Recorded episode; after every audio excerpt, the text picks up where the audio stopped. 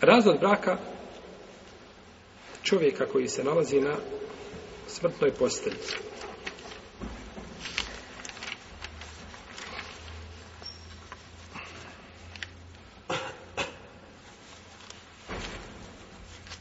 Čovjek razvede svoju suprugu kada se nalazi na smrtnoj postelji, a ona nije tražila taj razvod braka, nego je on razvede da bi, je, da bi spriječio da ona dobije znači, nešto od nasljedstva ciljano je razveo.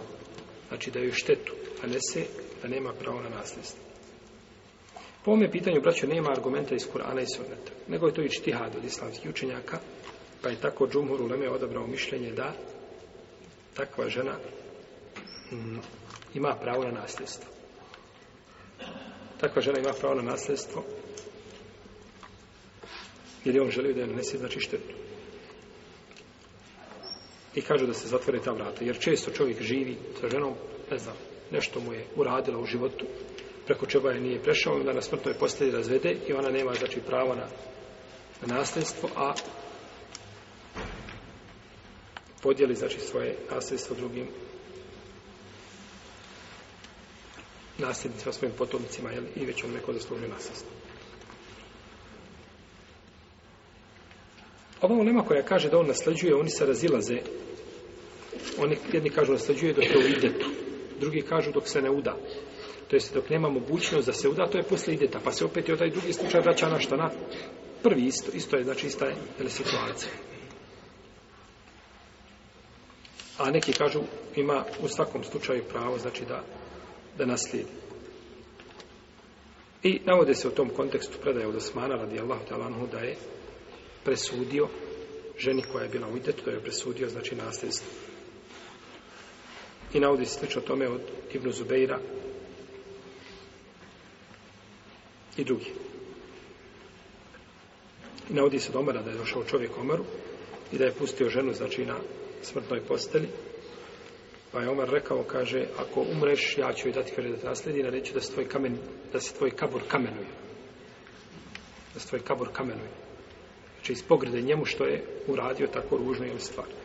To je stav džumhura u Leme, znači da takva žena ima pravo na nasljedstvo.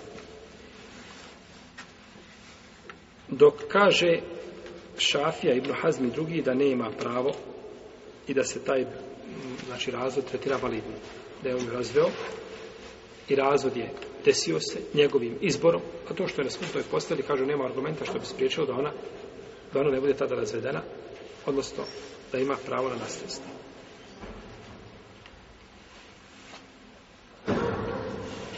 U svakom slučaju ovdje je problem kada kažemo da ima pravo na nasljedstvo, ne možemo kazati da se ovaj, da se desio šta razvod braka.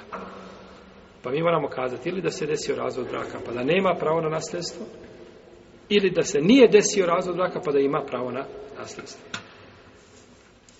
Pa je znači veliko razilaženje među islamskim učenjacima jel, po ovom pitanju. Kažemo, Džumhur Uleme smatra da žena u tom slučaju ima pravo na nasljedstvo, onda se ne bi znači u tom slučaju desio jel razvod brak. Ne bi znači to, to da eh, se obavezuje da kažemo da se nije desio jel razvod brak.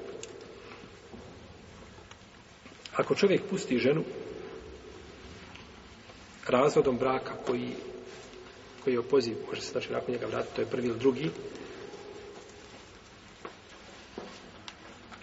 pa umre u toj bolesti ili ne umre, ili ona traži razvod braka, među njima je, ima, ili ona umre, kažemo ona umre, onda on nju naslađuje. Među njima ima nas, nasljedstvo, znači bez razilaženja među islamskim učenicima.